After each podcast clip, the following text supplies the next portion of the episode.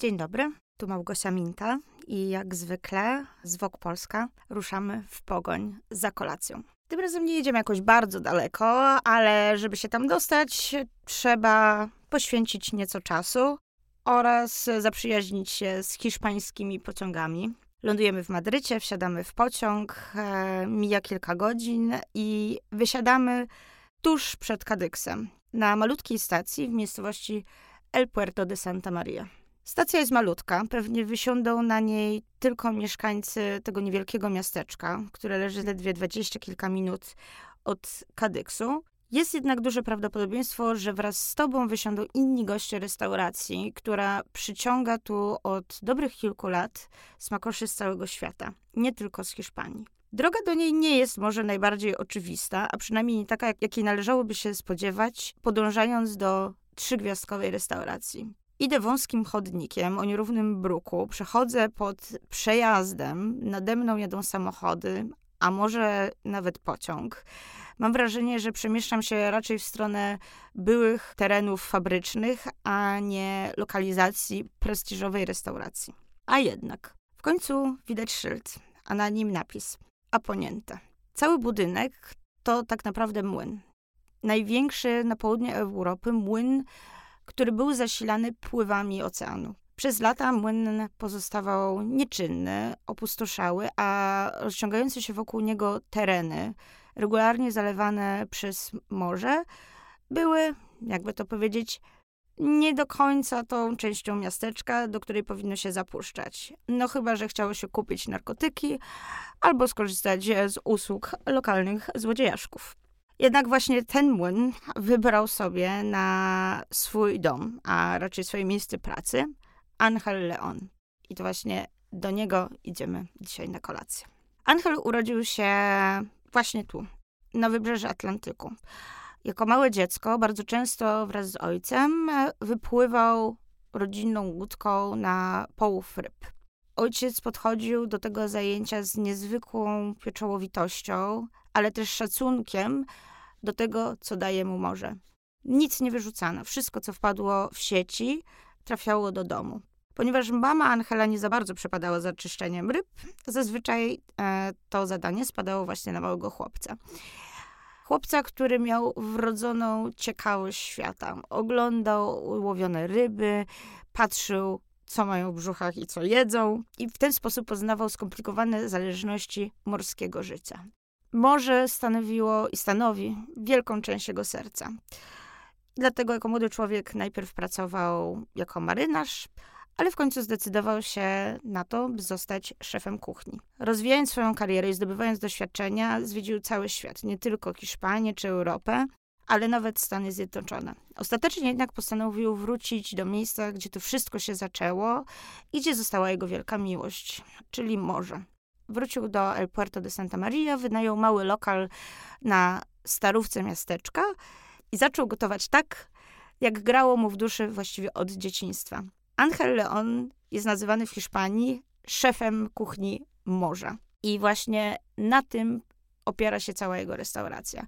Nie interesowały go te najbardziej popularne gatunki, okonie morskie, tuńczyki, ale wszystko, co można znaleźć w morzu, co nadaje się do jedzenia, ale rzadko zyskuje uwagę ludzi, głównie ze względu na zły PR poszczególnych składników. On sam chciał to odwrócić. Chciał przywrócić morzu szacunek, a jednocześnie otworzyć swoim gościom oczy na to, jak wiele dobra znajduje się pod taflą oceanu. Pierwsze lata nie były najłatwiejsze, bo przychodzący do restauracji goście oczekiwali tego, co zwykle: kawiorów, homarów, langustynek, okoni morskich a tych Angel nie chciał podawać. Chciał podawać te najtańsze, najbiedniejsze ryby, które często rybacy po prostu wyrzucali, zanim dopływali do portu, a które w najlepszym przypadku trafiały na karmę dla zwierząt. Jednak nie oznacza to, że były niesmaczne. Były po prostu mniej znane. Miały dziwne nazwy i może dziwnie wyglądały, może wymagały nieco więcej pracy w kuchni, ale dostarczały równie wielu smakowych doznań. Jego cierpliwość i upór opłaciły się. Wkrótce o szaleńcu, który postanawia łowić i serwować to, czego nikt nawet nie chciałby złowić na wędkę, a już dopiero podać komuś na talerzu, zaczęła się nieść po całej Hiszpanii, a w końcu i poza jej historią. Ciekawość świata i przyrody, którą wykazywał Angel w dzieciństwie, nie opuściła go i w późniejszych latach. Pracując w restauracji, zaczął nawiązywać relacje z uczonymi, z uniwersytetami, żeby wspólnie, w bardziej metodyczny sposób, zacząć szukać nowych źródeł jedzenia w morzu. Szukać gatunków ryb, które jak najbardziej mogłyby zaspokoić nasz głód, ale też przypatrywać się innym rzeczom, które można znaleźć w oceanie, a których raczej próżno szukać w supermarkecie, mimo wysokich wartości odżywczych. Mimo, że ze swoją restauracyjką zaczynał w malutkiej przestrzeni, doczekał się w niej wyróżnienia dwóch gwiazdek przewodników Michelin. Wtedy uznał, że trzeba zrobić coś więcej, że potrzebuje więcej przestrzeni na rozwijanie swojego projektu. I wtedy pojawił się na horyzoncie stary opuszczony młyn. Piękna budowla z XVII wieku, zawieszona nad mokradłami obmywanymi przez atlantyckie przypływy. Kilka lat po przeprowadzce do nowej lokalizacji Angel Leon oraz jego kuchnia otrzymały najwyższe wyróżnienie ze strony inspektorów przewodnika Michelin. Trzy gwiazdki, marzenie wielu szefów kuchni oraz potwierdzenie, że to, co robi, jest naprawdę wyjątkowe i warte podróży. No i w końcu, z jakiegoś powodu, tutaj właśnie wylądowaliśmy. Przechodzimy przez bramę i mijając po dwóch stronach oszklone pawilony, przypominające nieco olbrzymie akwaria. W nich gościom podawane są zazwyczaj pierwsze przekąski. Idziemy jednak dalej, przez rozległe podwórze, by dotrzeć do imponującego budynku, zaskakująco dużego i masywnego, obłożonego pordzewiałą blachą, przywołującą na myśl porzucone na brzegu morza kutry. Wewnątrz wita klimat przywołujący na myśl starą, opuszczoną budowlę, ale jednak tętniącą życiem i głosami dobiegającymi z kuchni. Pod sufitem wiszą lampy, których abażury uformowane na kształt okrzemków żyjących w morzu. Ściany tu i ówdzie ozdobione są metalowymi pąklami, a w ramach dekoracji w całej przestrzeni można natrafić na rzeźby ryb, ale i morskich syren, zwierząt i istot, które kojarzą nam się z baśniowym oceanem. Idę dalej, mijając otwartą, oszkloną kuchnię, w której kłębi się już tłum kucharzy szykujących kolację. Naprzeciwko, przez malutkie okrągłe okienka, widać na horyzoncie lekko migoczące morze.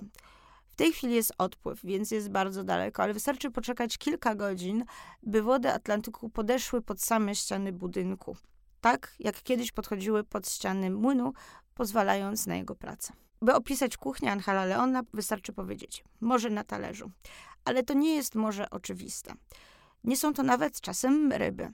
Ocean dostarcza mu nieustannych inspiracji, ale też nieustannie pobudza jego ciekawość, popycha go do szukania coraz to nowych rzeczy, które mógłby zaserwować swoim gościom. Kilka lat temu na warsztat wziął choćby plankton. Plankton to najmniejsze, co można znaleźć w oceanie. I jak się domyślacie, łowienie tego planktonu, mimo używania specjalistycznych sieci, było niezwykle czasochłonne i pracochłonne. I by pozyskać zaledwie kilka gramów produktu, trzeba było poświęcić kilka godzin. Jednak to wystarczyło. Malutkie porcje planktonu Angel Leon hodował w specjalnych szklanych słojach, tak by po kilku miesiącach, tak dokładnie po kilku miesiącach, mieć tego planktonu na tyle dużo, by móc go wykorzystać w kuchni. Plankton odwirowywano, suszono, mrożono i zamieniono na puder, który przypominał barwiące glinki albo herbatę macia. I w takiej postaci dodawano do dań, nadając im niesamowicie głębokiego morskiego smaku, ale i też abstrakcyjnie wręcz intensywnego koloru, przechodzącego od jaskrawej zieleni przez żółcie po czerwienie. Wyobraźcie sobie risotto, idealnie kremowe, ale zielone jak najzieleńsza trawa. Jednak ta zieleń pochodzi nie z lądu, ale właśnie z dna oceanu. Do tego świeże małże i Tak oto macie przed sobą jedno z najbardziej popisowych i najbardziej rozpoznawalnych dań Angela Leona. Kolejną fascynacją, którą postanowił rozpracować, było zjawisko, które pamiętał ze swoich dziecięcych lat. Zdarzało się czasem, że w nocy wody oceanu zaczynały świecić.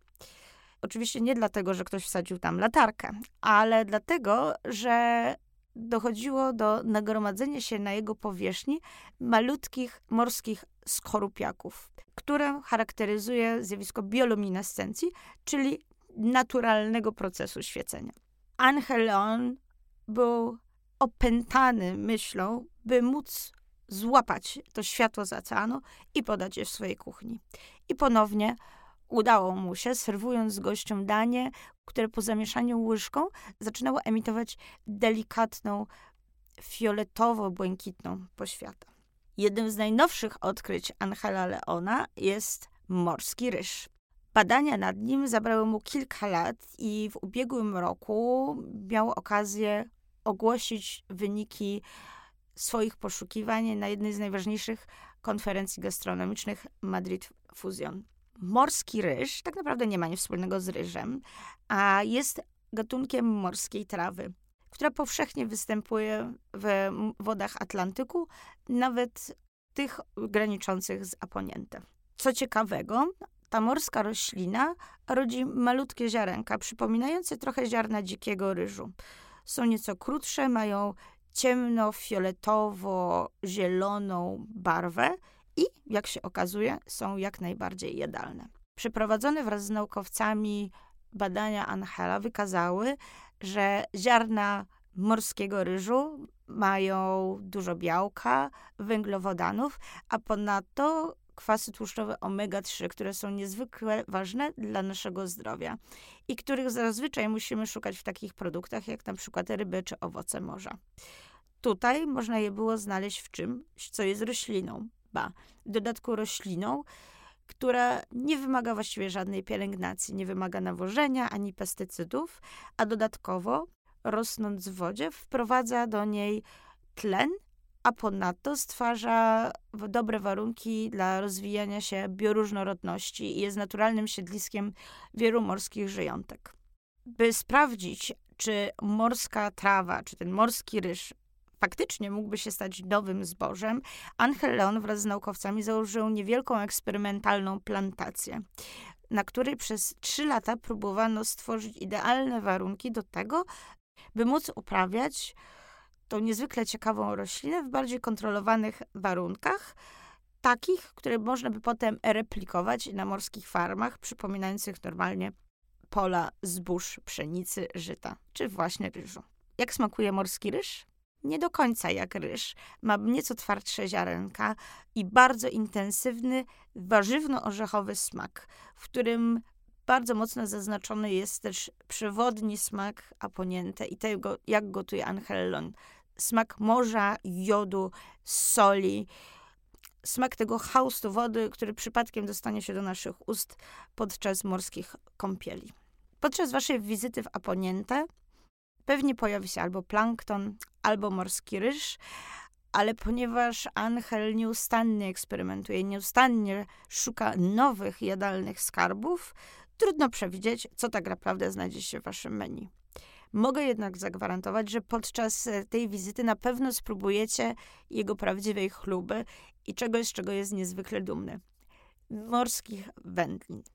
To jeden ze sposobów na te niekochane, biedne, często wyrzucane gatunki ryb, na jakie wpadł kilka lat temu Angel Leon, marząc, by w ten sposób spopularyzować je i skomercjalizować, by jego praca w niezwykle ekskluzywnej, wyjątkowej restauracji przekuła się na coś o szerszym zasięgu, a jego osiągnięcia czy praca mogły w jakiś sposób polepszyć codzienne życie wielu osób.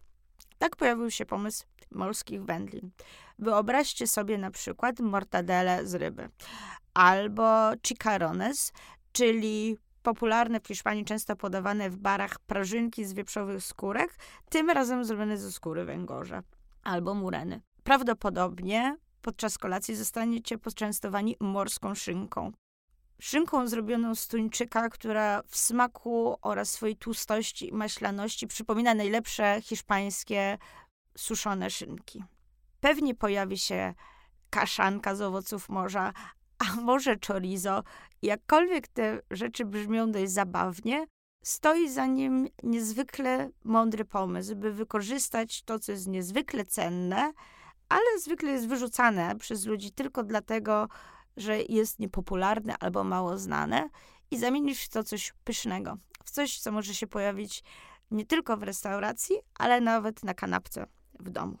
Jak mówiłam w Aponiente, wszystko jest o morzu. I tak jak posiłek zaczniecie od chleba z masłem barwionym planktonem, tak skończycie na morskich deserach.